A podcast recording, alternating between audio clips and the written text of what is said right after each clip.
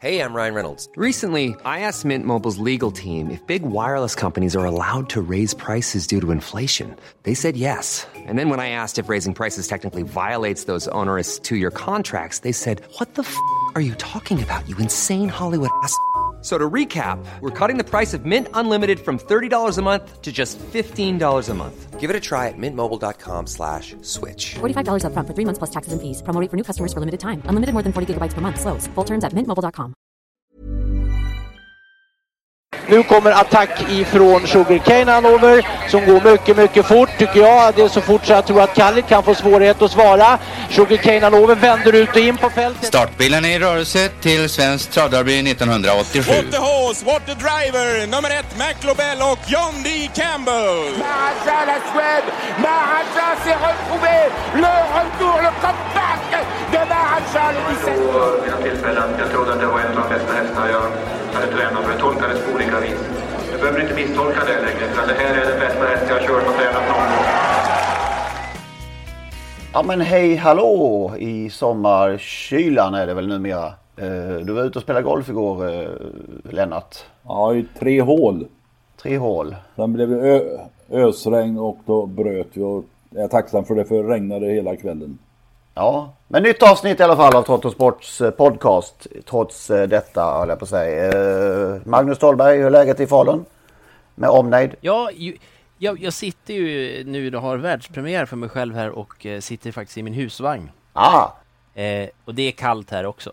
Det är nog, jag tror faktiskt att vi är under 10 grader här uppe. Jag har inte ens stoppat ut tårna utanför dörren än, men det jag tror att vi ligger där någonstans och, och, och känner. Mm. det är alltså en vecka med Årjängs stora pris, eller Stora Vinterlopp och det är ju uttagningslopp till Storchampionatet på fredag så det händer mycket i veckan. Eh, vi ska säga det också att vi numera finns eh, på både Instagram och Twitter.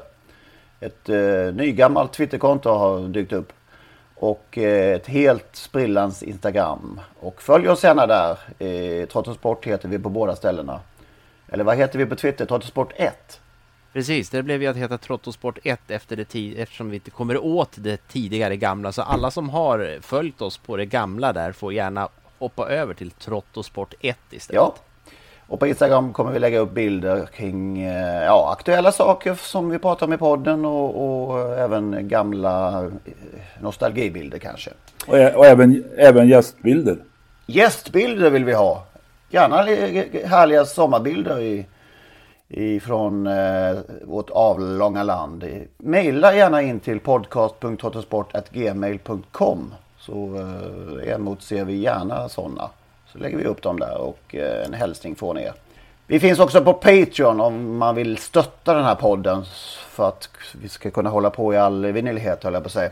Ehm, då går man in på patreon.com Söker på Henrik Ingvarsson, då dyker Trottosports podcast upp. Och så går man på Become Patreon. Så kan man stötta oss. Eh, det vore vi väldigt tacksamma för. Hur var det då i torsdags kväll i Halmstad? Det var folktomt som det är numera. Och det var väldigt märkligt att se den där eh, översiktsbilden strax innan start. eh, Där det normalt sett brukar Eh, var fyllda platser och rätt glatt i hatt, hattarna. Där, nu var det alldeles tomt. Men vad var, det, vad var det vi fick se? Glatt i hattarna. Det brukar det väl kunna vara i Halmstad på en torsdagkväll. Vad fick vi se? Den nya rasen enligt eh, tränare Redén. Ja, det var spel mot ett mål till slut får man säga. Ja, det var eh, oväntat överlägset. Örjan hade väl kontroll på allt från tidig morgon till sena kvällen. Det såg ut så. Din vinnare vann eh, Magnus. Ja, jag var inte ensam om den då. Nej. Eh, men- nej, ja visst, det är ju... Eh, eh, ah, det är en häftig häst. Ny ras, som, Dan, som Daniel sa där, som Lennart påpekade. Det är ju intressant med, med den där blandningen av passgångare och annat. Och ny ras och så vidare. Det, han är ju helt klart lite annorlunda och lite unik som vi har pratat om tidigare där med, med utvecklingskurvan. Det, mär- det märkliga är att, att eh, Daniel då, eller märkliga, det kanske inte är så märkligt. Nu kan man tycka det är märkligt att han avyttrade stoet, mamman, passgångarmamman. Efter, eh, så att han har inte kvar den i sin ägo. Nu har han en blivande världsstjärna undan en passgångarmamma. Och med en hingst som vi inte vet så mycket om, Hard Living. Och så har han inte kvar stort. Det tror jag stör honom lite. Det kostade ju vid eh, beteckningstillfället tror jag Hard Living hade ett pris på 5000. Så det kanske är den, bi den billigaste världsstjärnan någonsin vi har, vi har sett. Men ja absolut så är det så. Ja. Mamma, mamman finns numera i Danmark, utlisad till Danmark. Ah, Okej. Okay. Och eh, i, i, eh, i svensk ägo förvisso, inte Daniel Redén eller Stalsett. Eh, men hästen är utlisad till Danmark. Ja och sen pappan där, Hard Living, är ju, det är en spännande avelsstart får man säga med, med Don Fanucci sett och sen Diana sett. Det är två, två hyggliga hästar i alla fall. Mm. Av en relativt oprövad hingst då får man säga. Som ingen då verkar ha trott på speciellt. Nej.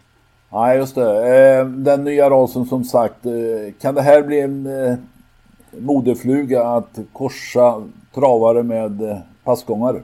Ett vågspel sa en tränare till mig. Ett vågspel men slår det rätt kan det bli hur bra som helst. Det var ungefär som gamla tiders franska hingstar innan de här Dubois-hingstarna kom fram. Att betäckte med franska hingstar, det var väl liten chans att uh, få fram en, en, vanlig häst. Men det, någon enstaka blev hur bra som helst. Och det skulle handla om uh, ungefär samma uh, träffprocent här då, menar du? Ja, precis. Vi har ju mm. Gogo Gaga, succéavelshingsten. Jag såg förresten en tvååring i USA, Åke Svanstedt hade, som såg ut som en världsstjärna trots att den är ostartad. Eh, där finns ju passgångarstam och eh, det verkar ju slå. Gogo Gaga Power vet vi ju flera andra bra i Sverige.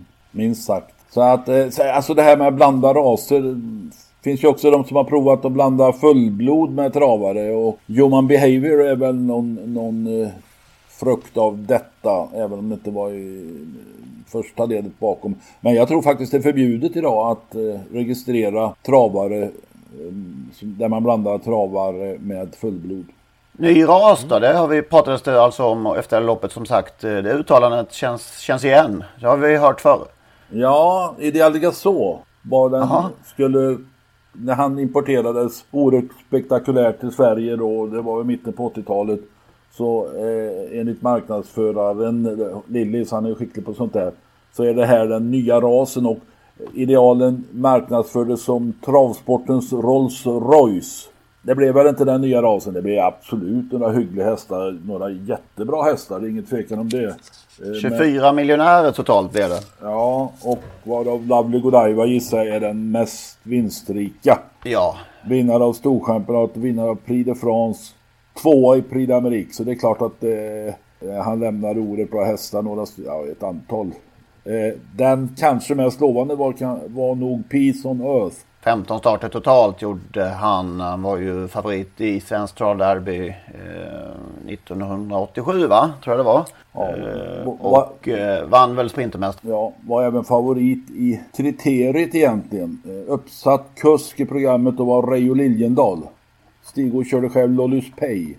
Men eh, när anmälan gjordes så visste de redan då att Peace inte skulle kunna starta på grund av skada. Och det var ju då eh, alla de här skadebekymren såklart som gjorde att han bara gjorde 15 starter till slut. Så det var ju som du säger, det var nog det mest kapabla. Det mest lika då? Kommer ni ihåg det?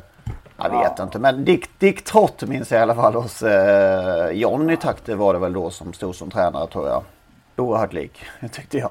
På den tiden i alla fall. Jag var faktiskt i Normandie och hälsade på Eugène Lefebvre efter att hästen hade importerats till Sverige. I Saint-Jean-le-Thomas. Eh, och det var eh, idealens box stod tom och det hängde hans grejer snyggt upphängda grimma tecken som har blivit över och eh, utrustning.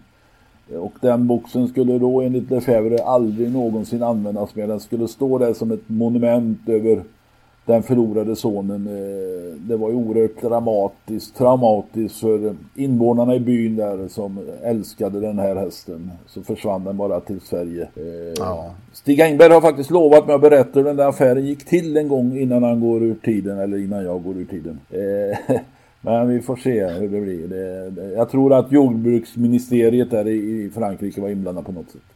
Okej. Okay. Vet vi någon prislapp? Nej, det vet vi inte. Nej, det vet kanske Engberg det också. Ja, det, om han inte har glömt så vet han säkert. Ja. Men jag ska säga Ideal Gasol var under många år min, en av mina stora favoriter. Men eh, Royce Royce tänker jag inte riktigt på när jag, när jag ser honom. Nej, det kanske var eh, att hugga i sten där.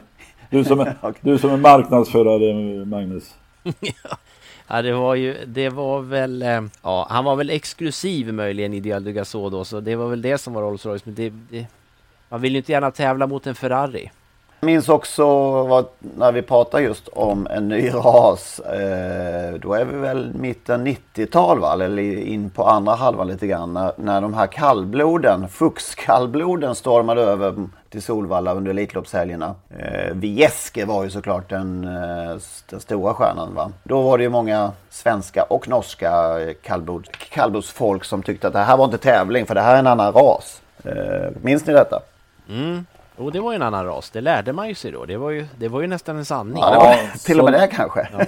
ja. det var nog eh, kallblodsfolket i Sverige och Norge som inte ville möta finnarna då möjligen. Eh, Viesker var ju den som man spådde skulle bli eh, första kallblodet under en 20 men så blev det inte. Nej, just det. För några år senare så, eh, ja, när Järvsöfax kom och de svenska kallbloden började se ut som varmblod, då hörde man inte så mycket, hörde man inte så mycket om det här längre. Nej, jag vill påpeka att det var spikeld. Norske spikeld. Spikeld efter elding. Den lilla elding som såg ut som en ponny som är en maktfaktor i kallblodsaveln tror jag. Spikeld var före Järvsöfax. 120. Den är bra. Apropå avel, Mosaic Face har den första avkomman på banan idag eh, såg jag i ett kvallopp på Jägersro. vad tror vi om det? Till Classic Photo som han är. Spännande. Lite kul är det alltid, de där första gången, första gången när man ska se ny. Alltså vi, vi, vi, behö, vi behöver ju svenskfödda avelshingstar som slår. Mm. De, är, de är för få. Ja, Aquarian Face heter den här avkomman som, som alltså kvalar på Jägersro ikväll. Jag, jag gissar att det är träning Colgini. Det är helt rätt. jag tror Dante ska köra.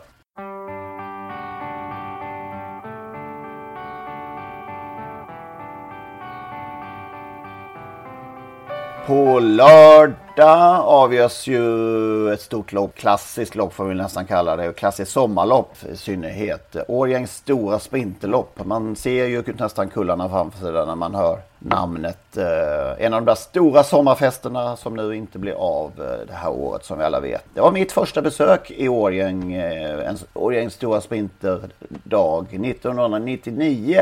Eh, mitt första uppdrag tror jag som arbetande utsänd eh, på tävlingar. Första gången jag tror jag stötte på dig faktiskt Lennart. På pressbalkongen där i solen. Så pass?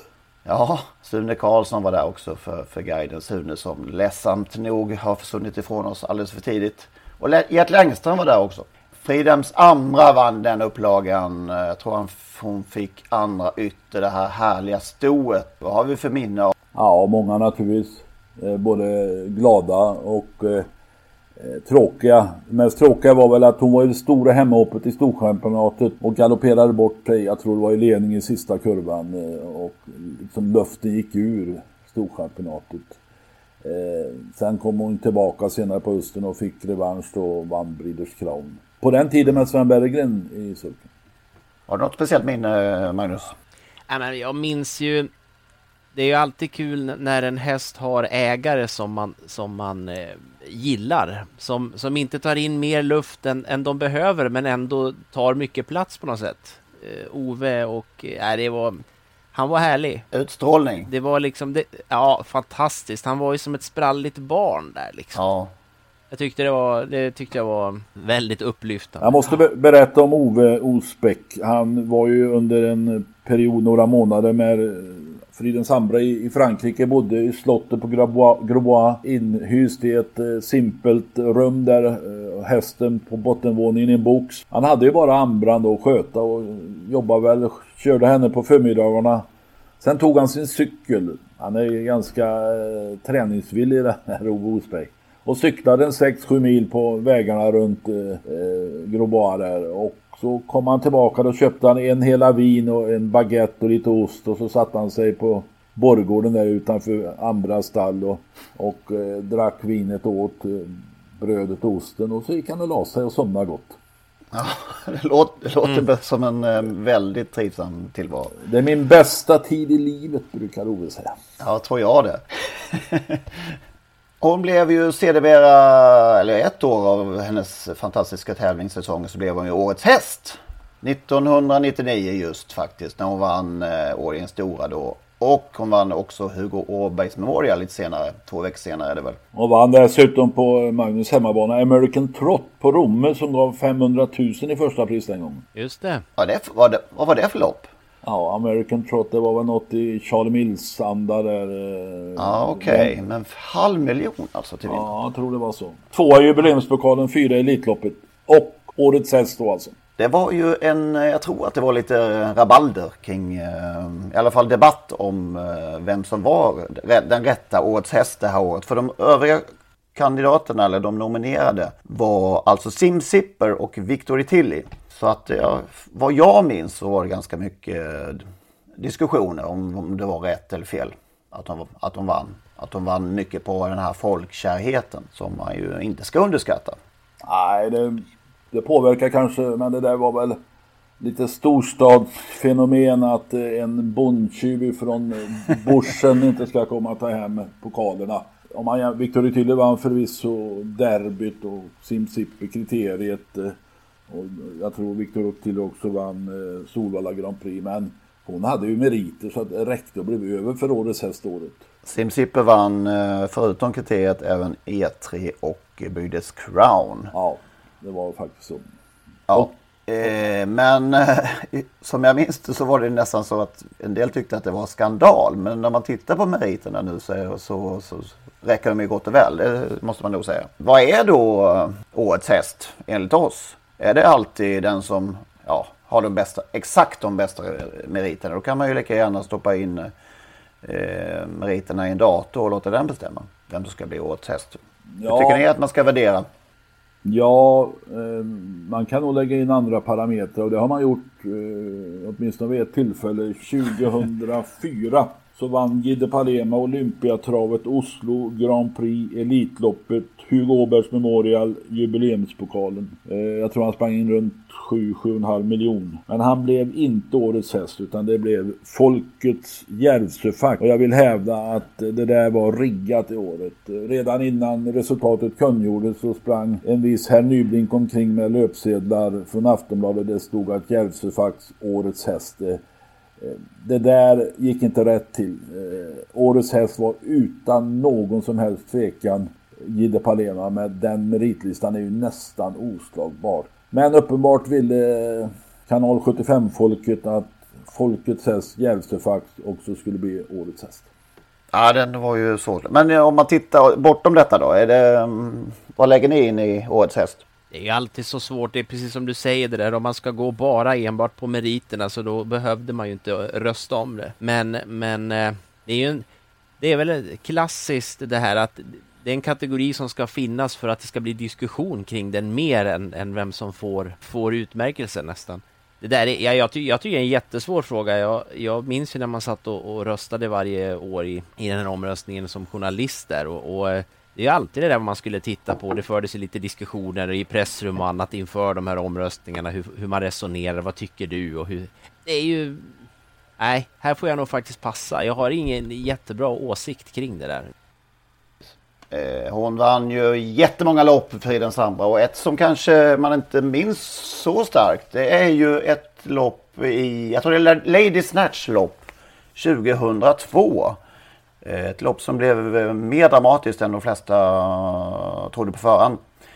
Vi lyssnar lite på det här härliga loppet under Lilltoppslördagen, alltså då 2002 på peppad av publiken. Observera, distansen är samma som i Elitloppet, 1609 meter. Det är alltså kortare bit till svängen nu när startbilen släpper fältet och eh, Friden Sambra sprintar mot ledningen. Invändigt eh, gul kusk, Antti Teivainen med eh, nummer två Good Leasing som något överraskande tar hand om ledningen. Men kommer väl Thomas att släppa till Amran i kurvan? Ja, det ser så ut. Eh, det verkar som både Stefan, eh, Stefan Söderqvist och eh, den finska kusken är överens om vem som ska leda och Friden Sambra får ganska lätt överta eh, ledningen här. Och frågan är Johan om det här kan vara avgörande för loppet. En stor fördel åtminstone för fyra Fridhem Sambra. Det är fransyskan, andrahandsfavoriten nummer sex Joristan som nu avancerar i vida spår för Gilles Penetier. Det är mannen bakom General Pommeau. Vilken öppning Hanske! Ja, de har öppnat knallhårt första 500 meter öppningen i 10-farten när Joristan trycker till eh, i kurvan och är på väg att överta ledningen. Vilken körning av Gilles Penetier när det är 900 meter kvar. Har han snuvat Amran på ledningen? Eh, kunde Söderqvist då svara Thomas? Jag tror inte det, Hanske, för att eh, Amran, hon gick nog vad hon kunde och Stefan Söderqvist såg definitivt vad som på väg, var på väg att hända men Sorestan var allt för snabb. Underkant 10 första 500 meterna alltså på Sjörestand, eller rättare sagt Fridhem Sandra nu när de kommer till första varvet där och det är fortfarande 10 tempo där framme. En 10,7. De sveper förbi dig just nu. Eh, Linda, hur ser det ut för Fridhem Sandra? Ja, det ser bra ut. Hon försöker raka på, men Chile Penetier bakom nummer 6, Sjörestand, han kör undan var sista sväng, Hanska. På gång också nummer ett Styltan som har eh, sparat krafter. Stefan Söderqvist ut i andra spår. Just nu möter de dånet från stora läktaren när de är på väg mot upploppet framåt och frågan är om inte Schüller Penetier har kört för tidigt med Sjörestan som just nu verkar matt. Det är Friden Samra som tar över enormt jubel när Erik Adielsson kliver in i handlinjen med nummer Styltan. Friden Samra med den enorma kämpaviljan sliter, kämpar där fram och kommer att hålla undan till seger. Vilken häst hon är, vilken underbar inställning hon har till livet. Storfavoriten fixar det, Friden Samra. Åh, vad hon är populär hos er svenska folket, Fridhem Sambra, och det är välförtjänt ovationer hon också får. Absolut, och eh, ovationen också till Stefan Söderqvist som var kall när han blev attackerad knappt varvet från mål. Gav upp den striden, men vann den nästa striden, den över mållinjen. Titta på hennes öron när hon passerar mål. Ja, hon tycker det här är roligt, det syns lång väg. Ja, vilken kämpe hon är, fyra Fridhems andra som vinner loppet för ett Styltan och två Good Leasing. Favoritodds. Ja, där var hon fantastisk och eh, en, ett tv-referat eh, som går till historien kanske. Ja, alltså fram, framför allt för att det här är ett av Hanskes bästa, det kanske tar i, men ett fantastiskt eh, referat av framförallt Hans G. Lindskog och över upploppet så oerhört inlevelsefullt och så oerhört eller stor kärleksförklaring till Friden Sambra. Eh, nej, det är poetiskt. Ja, han uh, uttrycker hur hon fäller fram öronen uh, efter mål och allt vad det är där. Men det är fantastiskt på många sätt det här referatet alltså. Det är så fyra stycken inblandade. Var de bara, i... var de bara fyra verkligen? Ja, det kan ha varit fler. Vi kanske tappade räkningen.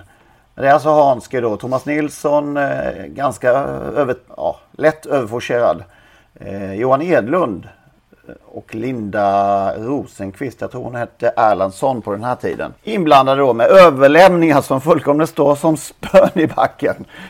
Det är, det är någon slags härlig övertändning över det hela och vilja att verkligen få till något ohyggligt bra. Man kan eh, nästan se det här mötet framför sig i, i, när de bestämmer sig för hur, den här idén, liksom, hur det här ska förlöpa. Över till dig nu. Ja, över, ja, över, över, över till dig Thomas. Tack Hanski. Det är sånt där man tror liksom, jag tror det har, när det är dimma på banan, man får placera ut fem gubbar eller tanter runt banan eller sex.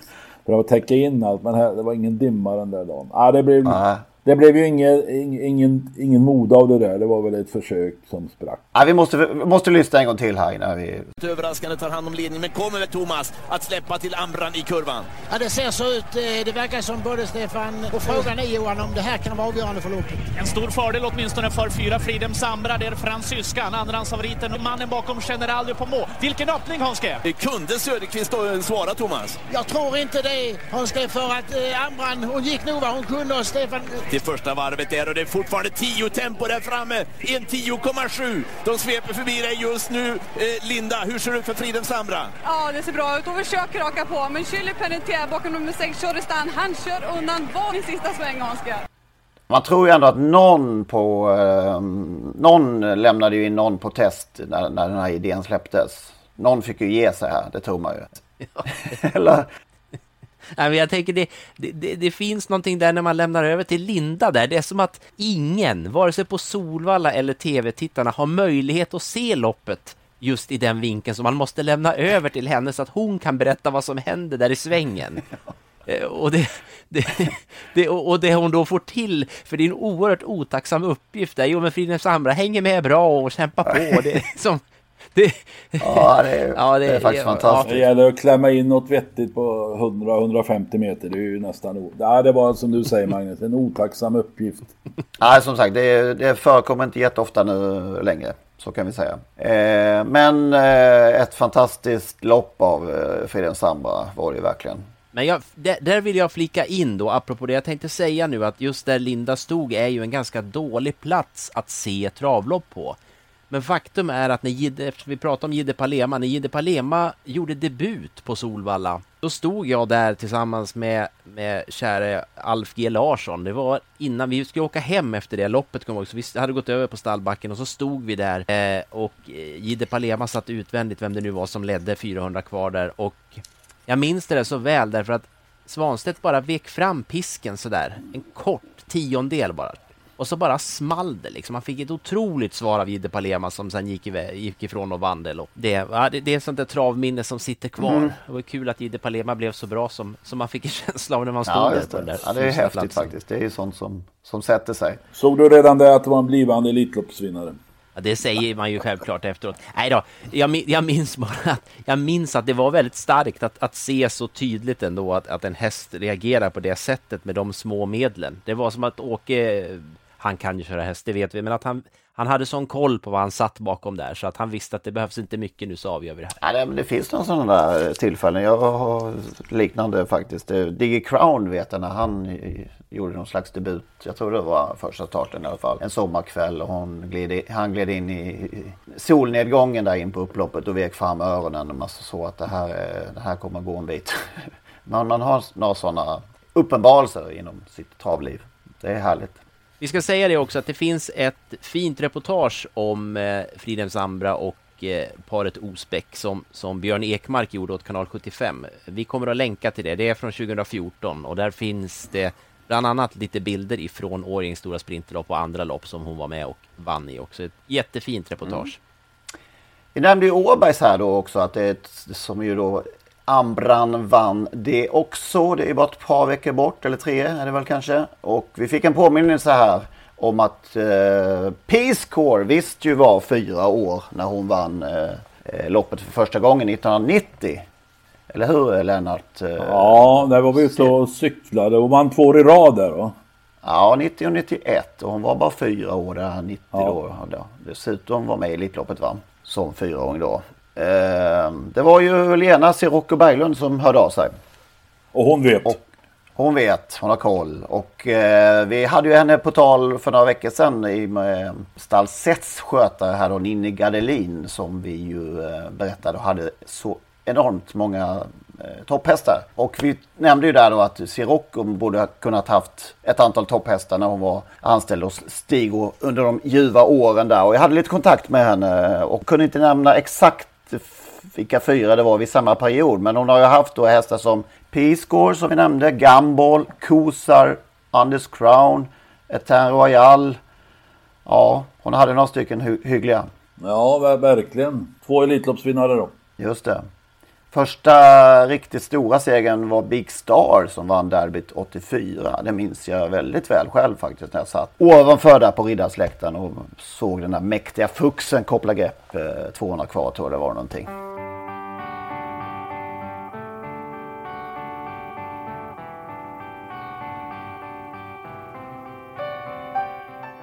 Jo, vi har ju pratat klassklättrare också här i programmet och vi fick in ett bidrag här eh, som vi tappade bort förra veckan. Max Flux såklart. Ja.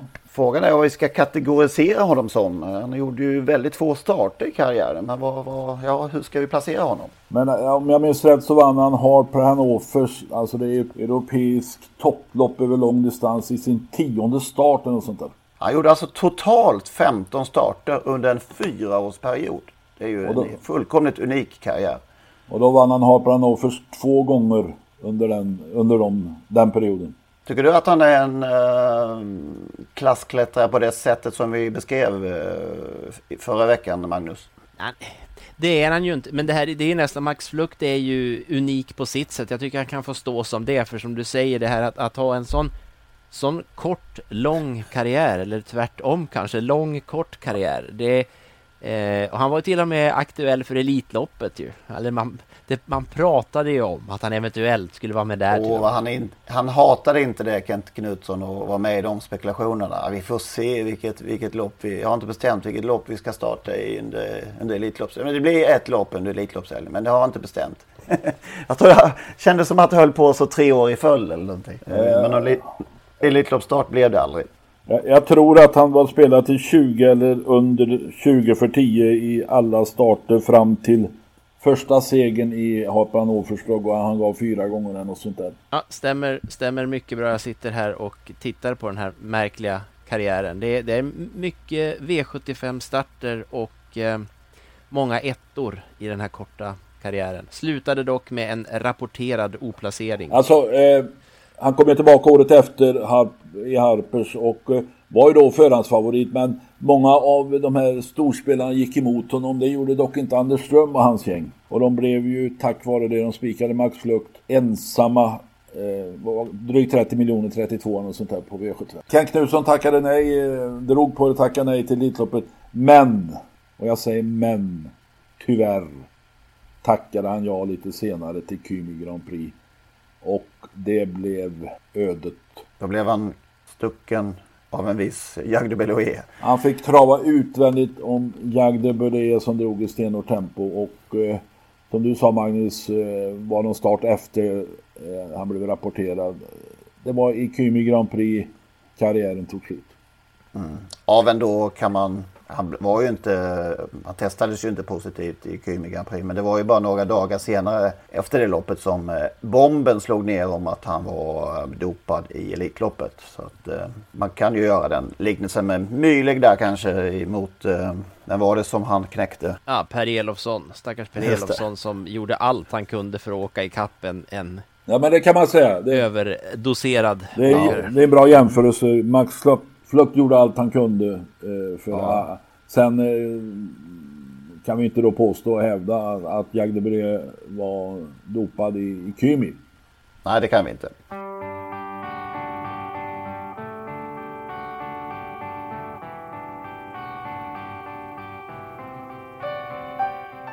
Vi har pratat några veckor om att diskutera vad som är att tävla i travloppen. Det har ju diskuterats ju lite då och då. Ett exempel på det kanske är Sprintermästaren i torsdags där ju eh, det blev väldigt fartfyllt eh, efter By the Books eh, By the Book enkelt hade hållit ledningen. Vad, eh, vad tänker du där Magnus? Ja, men där har man ju den här diskussionen som sagt om, som att, att definiera vad att tävla är ett travlopp, i ett travlopp skulle vara då. Och om det nu är att som Vimpal helt enkelt eh, tokköra lite till mitt i ett lopp och att tävla om vem som är snabbast mellan 450 och 500 meter. Eller, jag vet inte. Det, det, alla såg ju vad, vad, den typen av tävling resulterar i. För mig är ju att tävla är att, att komma så bra som möjligt i mål. Det, det, för mig kan tävling aldrig vara något annat än det. Att ha gjort flest mål när slutsignalen går, inte att ha skjutit flest skott efter fem minuter. Det, det kan inte vara att, att tävla. Vad vill han åt där egentligen vid en pall? Det, ja, vad tror vi? Nå, det, det, jag har svårförklarat men det är ju så att, att eh, alla tänker inte logiskt i alla situationer och Vimpal gör det inte alltid. Eh, det är väl inte första gången Vimpal eh, kör som en, ursäkta uttrycket, stolle. Det här var ju att övertävla naturligtvis. Det här var ju det har ju inte något med tävling att göra och jag kan inte tänka mig att han var ute efter Erik Adielsson eller något annat i det sammanhanget utan det var bara att han, eh, ja, kortslutning. Ja, och sen ska man säga, man kan ju säga då, det, eh, senast som det blossade upp lite den här diskussionen om att tävla, det var ju den här tävlingsdagen på Solvalla för någon vecka sedan när Örjan vann, han vann sex lopp va? Eh, och ganska tidigt där, redan efter ett par segrar så var det ju eh, ett antal personer på på Twitter som började ledsna ur att det inte var någon körning, att man inte tävlade i loppen, att Örjan kommer till ledning och så får han göra som han vill och det är ingen tävling. Ehm, och då kan man diskutera vem som skulle ha gjort vad istället då för att förändra den bilden. Om vi skulle haft Wim Pall med där som då bara hade eh, kört sönder Örjans häst. Sen ska jag säga att den här kvällen provade ju faktiskt någon att köra mot Örjan också och det, det slutade med att Örjan vann i alla fall. Mm. Så att Nej, det är en intressant diskussion för att det är ju som du säger. eh, Det ska, ja. Den är, inte, den är inte bara intressant, den är oändlig. Ja, det är den också. Det är den också. Att, att tävla är ju också att köra för hästens eh, bästa möjliga möjlighet, kan man säga så? Bästa möjlighet att, att tjäna go- goda, stora pengar. Ja, det är så det är någonting åt det hållet som står i reglementet. Att man ska köra för bästa möjliga placering. Ja, och, och vem ska Ja. då avgöra detta? Ja, och sen har vi ju, det- är ju det jag känner i det här också, att vi har ju, vi tävlar ju med hästar ändå. Eh, man ska ta ett ansvar för hästen också tycker jag. Det är, det är, eh, nu gjorde ju Kent Knutsson absolut inget fel, jag tar inte det som ett exempel, men just detta med att pressa en häst då, alltså att en häst får göra för mycket kan ju få fatala konsekvenser. Mm. Man har ju pratat ofta om att det tävlas mer i Frankrike och det är större banor, längre banor och så vidare. Och det ligger väl något i det. Men samtidigt så har det blivit i Frankrike de sista 10, 12, 15 åren eh, också icke-tävlande där höll jag på att säga. Och sa det också förresten. Eh, att man släpper ledning och släpper ledning och släpper ledning igen och man byter. By... Ja. Alltså en sak som hände i lördags som kanske inte så många uppmärksammat. Eh, det var ett meningsutbyte, ett kort meningsutbyte mellan Hans Krebas och Björn Goop strax efter start i Stejeloppet där Krebas till slut vann med, vad heter hästen nu då? Luck- Lucky Base. När Björn, ja de tittade på varandra några få ord och Krebas insåg snabbt att jag behöver inte köra om ledningen, jag får överta den. På tal, på tal om i, i lördags har vi kanske ytterligare ett exempel där eh, kanske då att inte tävla sätts i fokus. Eh, eh den ypperliga spetshästen och andrahandaren i loppet i sista V75-avdelningen, Ingo, eh, tog ju smidigt hand om ledningen. Och vi vet ju att, vi har väl hört att Kristoffer Eriksson tyckt att eh, det här eh, den här hästen går bäst i ledningen. Men hade ändå inte tillstymmelse till ansats att svara när Robert Berg kom farande med favoriten i, efter, vad kan det ha varit, 600 meter eller någonting va? 600-700 meter. Ja, om, man lite- om man ti- tittar tillbaka där så Robert Berg har ju inte en, gör ju inte en ansats från start eh, att vilja vara med från början. Utan eh, det är nästan som att han vet om att eh, jag kan komma farande när jag vill så får jag överta. Ja, det, Övertolk- kän, det kändes så. Han tog en lugn start och så körde han till när eh, fältet ja, mer eller mindre hade formerat sig. Och så fick han överta ledningen utan strid. Och jag upplevde det så märkligt eftersom Kristoffer alltid hävdat att just hans häst går bäst i ledningen. Möjligen kände han att den här gången eh, så skulle han inte kunna stå emot övermakten. Fem av de senaste vinsterna för den här hästen Ingo då har tagits från ledningen ska vi säga också. Så att, ja, det var en sån där. Man undrar ibland om, om, om vad som pågår bakom kulisserna. Så kan man säga. Ja, till och med framför kulisserna. Ja, det var illa dolt där i alla fall mellan Krebas och eh, Goop i alla fall. Det var... Eh, ja, och det vill man ju Det är ju i alla fall inte att tävla. Eh, det, det kan man i alla fall konstatera. Nej, men det, är alltså, det här förekommer ju eh, ganska ofta eh, enkla tecken till motståndare. Eh, du får släpp så släpper jag i nästa skede och så vidare. Alltså det, där, det där är ju än mer utbrett faktiskt i Frankrike. Ja, otroligt svårt att göra någonting åt också. Det är ju... Eh, vad ska man göra? Ja men det är så svårt också i och med att det är som du sa djur vi har att göra med. Och alltid om det ställs en fråga eh, ja, att om man någon gång eh, förhör om körningar så kan man ju alltid skylla på att hästen inte kände sig eller så eller vi hann inte eller ja, hästen hann inte svara. Och, ja men de kan alltid skylla på hästen utan att eh, vi kan fråga den. Ja, det är den där boken med, med 200 miljarder förklaringar till Ja. domaren. När han ringer på Ja, telefonen det. där. Det är bara att välja. Valfri Exakt. mening. Det blev en kort aktion här i söndags kväll som var meningen att bli väldigt mycket längre. Men det var tekniska bekymmer där på, på TR Media om jag förstod det rätt. Men ett, en häst han säljas, Lennart. Ja, det var ett kallblod för 800, en ettårig kallblod alltså för 875 000 kronor. Det är helt otroligt alltså. Ja, det är ju nytt världsrekord naturligtvis. Sen, sen brakade sajten ihop. Jag vet inte om det var för många, för höga bud. Eh, Den där hä- hästen köptes av Stens Trott AB om jag förstått rätt så är väl det stall Rivner sedan tidigare. Han köpte faktiskt i fjol en ettåring Klon, Klondike River efter Eddie Cash First Out med den fina svenska mästarinnan Crossed Out Storchampionatssegrare som morfar. För 1,8 miljoner. Eh, så det här var ju nästan en miljon billigare. Eh, han har, den här Stenstrott AB har fem hästar i träning hos Peter Untersteiner. Återstår att se om han ska träna det här kallblodet som väl var efter Techno-Odin. Där, det måste vara första kallblodet i så fall. Som han tränar alltså? Untersteiner. Ja, det är ja, Untersteiner. Ja. Men i Halmstad ja. kan det ha funnits någon. Ja, den det måste vara chock. Vad är, det, är det hårdvara eller mjukvara som brakar ihop Magnus sådana här lägen? det, det, kan vara båda delarna. Nej, men ett sånt, det, det måste ju... vara chocken där som, ja. som, som gjorde att tekniken fallerade. Ja. Det, ska, det görs ett nytt försök nu på söndag tror jag. Det är klart att det här var ju ett eh, debacle för dem som har eh, satsat ganska mycket tid och prestige i det här nya nya formen av aktioner och så spricker det direkt. Men det är väl sånt som kan hända. Magnus, du som kan det här bättre än jag. Ja, vi har ju ett färskt eh, jättefiasko här i Dalarna också. Lars Kristers skulle ju lansera sin nya skiva för några veckor sedan och hade marknadsfört det. De skulle livesända det och det gick ju ah. inte. De fick också skjuta upp det en vecka så att det här händer även de riktigt Jävlar, det hade jag dessutom missat. Lars Kristers. Ja. Apropå då att eh, tävla kanske. Eh, återigen blev det jackpot på, på V75 och det är inte på grund av eh, att sjurättspotten inte går ut utan som vanligt att det var för enkelt så att det blev ingen utdelning på fem. Hur ska vi um, lösa gåtan på lördag Lennart, du som kan det här? Ja, det var ju snällt ja, jag, jag har bestämt mig för att eh, min V71 Spik är omgångens äldsta häst. Förvisso finns det en till som är lika gammal men den duger inte.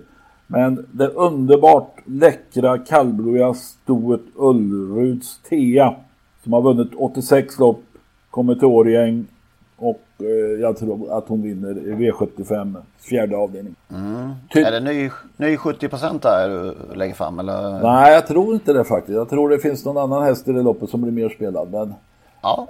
Månprinsen AM hade de, var de oförskämda nog att lägga utanför kupongen. Om jag ska bjuda på ett, chansa med en skräll också så är det Atos Race. Eh, jag tror det var V75 3.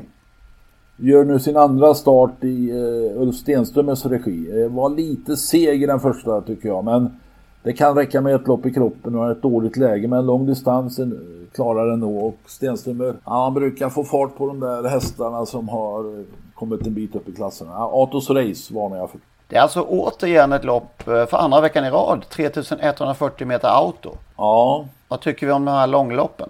Eh, jag tror de är bättre när det är... De blir roliga när det är eh, från flera foller. Ja, för det, i lördags var ju ingen höjda. Jag, jag, jag, är ju lite allergisk mot nästan mot de här. Att, att, att, att alltid håsas så mycket hur roliga och härliga de är. Jag, jag tycker inte alltid det faktiskt. Jag tycker de är lite överskattade faktiskt. Reaktionerna i lördags var nog tvärsom eh, på många håll har jag läst eh, på, på sociala medier att det där var ett trist lopp. Och, mm. När väl Ingves hade kört sin överlägsne tysk till ledning så var det ju slut.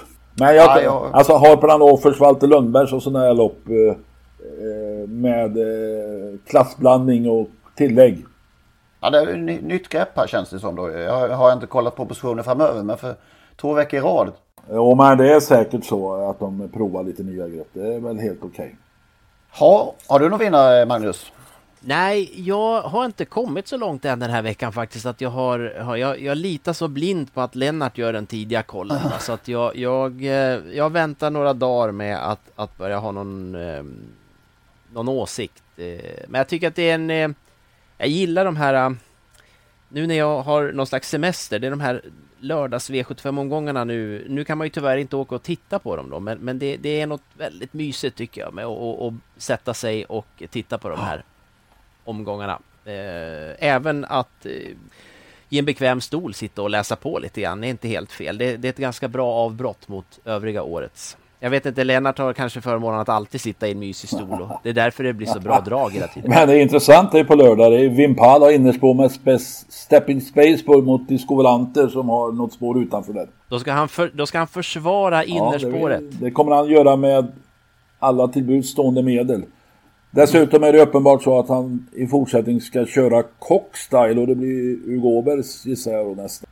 Just det, det var ju intressant eh, byte eller eh, val av ändring i, i eh, personalstyrka. Cox har alltså vunnit, han var med Algot Scotts minne, han Eh, tvåa i Elitloppet och den andra platsen kommer ju sannolikt att byta ut mot en första plats. Och han var tvåa i Kymi Grand Prix, knappt slagen av eh, Vitruvio. Och nu tyck ägarna tyckte alltså att Kristoffer inte dög som kusk och då istället väljer man Wim Pal.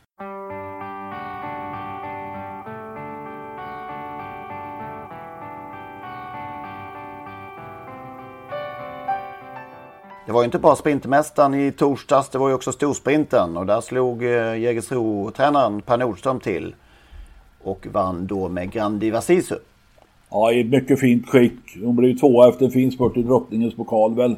Nu spurtade hon till seger. Eh, imponerande fin häst tycker jag. 8000 i drivning för Per Nordström. Eh, han var rätt så ivrig med spurt till slut, vad får vi säga. Om vi har varit inne på det tidigare här. Om vi ska följa upp drivningsförseelserna. Ja, Nej, det är inget roligt att se. Eh, det kändes ju definitivt inte så nödvändigt. Det är aldrig nödvändigt, naturligtvis inte. Men, men eh, han blev väl ivrig, Per. Eh, men det är ingen ursäkt. Det ser inget bra ut. Nej, och eh, vi har ju sett något lopp från USA alldeles nyligen. Ja, i lördags och det är ju, ja det är, en, ja, det är så tråkigt. Arthur J. Cutler Memorial, Memorial avgjordes ju i lördags där och eh, där visade Yannick Gingras prov på otrolig spödrivning. Minst 15 slag, enhandare, för att eh, vinna. Det, med, han vann med Manchego.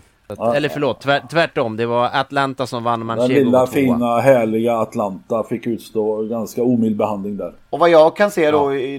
noll reaktioner eh, från de som brukar ha reaktioner på andra, annat håll så att säga. Eller? Kanske alltså. Ja. Jag läste ja, ingenting jag har inte sett, jag, nej, nej, jag har inte heller sett någonting och jag, jag reagerade direkt när jag såg det här loppet. Är det inte konstigt? Ja, jag förstår inte det. Jag gör verkligen inte det, utan istället titta på det här spännande upploppet. Ja. Jag har så svårt för det där. Jag blir så illa berörd varenda gång jag ser det. Jag, jag tycker det är så sorgligt att vi inte har kommit längre och ändå. Ty tyvärr lär vi inte komma längre i, i USA eller Nordamerika och jag tror inte de lyssnar på vad vi säger. Nej, antagligen. Nej, vi måste bara prata på engelska helt enkelt. Och då, även om de skulle lyssna så skulle de inte bry sig. Det, det är nej, så tyvärr. Nej, så är det. På nästa vecka är det ditt älsklingslopp eh, i, på Skaraslätten. Västgötaslätten. Västgötaslätten alltså. Skara, Skara ja, Västgötaslätten. Eh, ja. ja. det är ju kval redan på fredag. Eh, och det, ja. var, det var alltså eh, över 72 hästar anmälda och det innebär att eh, några fick tvångsstrykas. Det var så pass alltså? Ja, varje år nästan. Alltså kan jag säga att Per Nordströms häst är inte med Grand Divas Sisu. Per väljer att stå över, satsa på derbystot. Eh, Gangabi, Bä, heter den så? Ja just det, Gangabi. Ja. en av favoriterna. Diana Sett är väl en annan. Alaska Kronos kanske.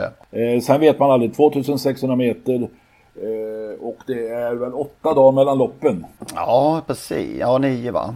Ja, det är söndagen där, nio. Eh, så att eh, dels får man ju inte veterinärbehandla och dels så tar det styggt, alltså 2 gånger 2640 meter. Vi har med, varit med om det förr att det har skrällt i loppet till slut där den här söndagen. Så att, eh, men nästa vecka tar vi ett rejält grepp om, om Storchampionatet såklart. Det blir spännande. Apropå Axa måste jag få lägga in en liten notis, får man det? Ja, en liten notis går bra. 20 december, 20 december 2016 i Lassagårdspokalen vann Man at Work före Baron Gift och Hanson Bread. Vilket år sa du? 2016, det är fyra år sedan. Och de här tre tävlar fortfarande med stor framgång. Man at Work, Baron Gift är ju med så gott som varje vecka, eller ofta i alla fall i V75 och Hanson Bread är med i lite, de högsta loppen nu för tiden. Eh, det är ganska intressant. Eh, det går att få hästar att tävla under en lång period på hög nivå. Hur gick de tävla? Hur tävlar de som unga hästar? Jag tror de eh, tävlade barfota i stort sett eh, hela, ja, i alla fall till slutet av eh, treåringssäsongen. Med skor menar du? Med skor menar jag, ja självklart. Ja. Självklart. Ja. Eh, så att, eh, ja det är intressant tycker jag. En annan intressant mm. sak är att Mats Gottås, vet ni vem det är? Ja. Mats Gottås som har... Han blir alltid lite fnissig när man hör namnet. Ja, det är en god snubbe. Han har alltså bojkottat sin hemmabana Östersund i hundra år snart va. Han vann, han vann lopp häromdagen. Eh, han brukar vinna ett lopp om året och nu slog han till på Bergsåk. Så att eh, han kämpar på men tävlar aldrig hemma i Östersund. Han åker värdshus förbi om man får säga så. Ska vi avsluta programmet och säga att han är, han är antitesen till Colgini? Ja, ja. När det gäller boj ja, bojkott. Alltså det, alltså det är många som har bojkottat eller hotat med bojkott genom åren och det brukar hålla några månader.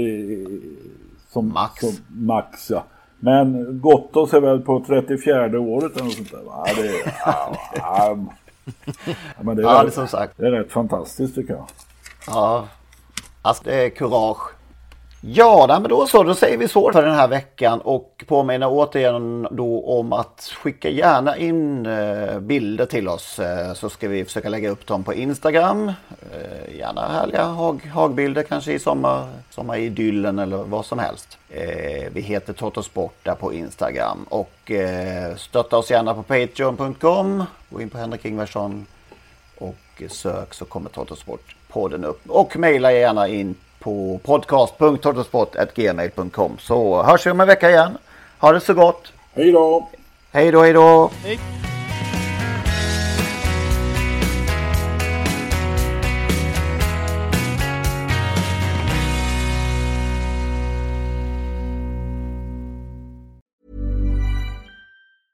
Mom deserves the best, and there's no better place to shop for Mother's Day than Whole Foods Market. They're your destination for unbeatable savings, from premium gifts to show-stopping flowers and irresistible desserts. Start by saving 33% with Prime on all body care and candles. Then get a 15-stem bunch of tulips for just $9.99 each with Prime. Round out Mom's menu with festive rosé, irresistible berry chantilly cake, and more special treats. Come celebrate Mother's Day at Whole Foods Market.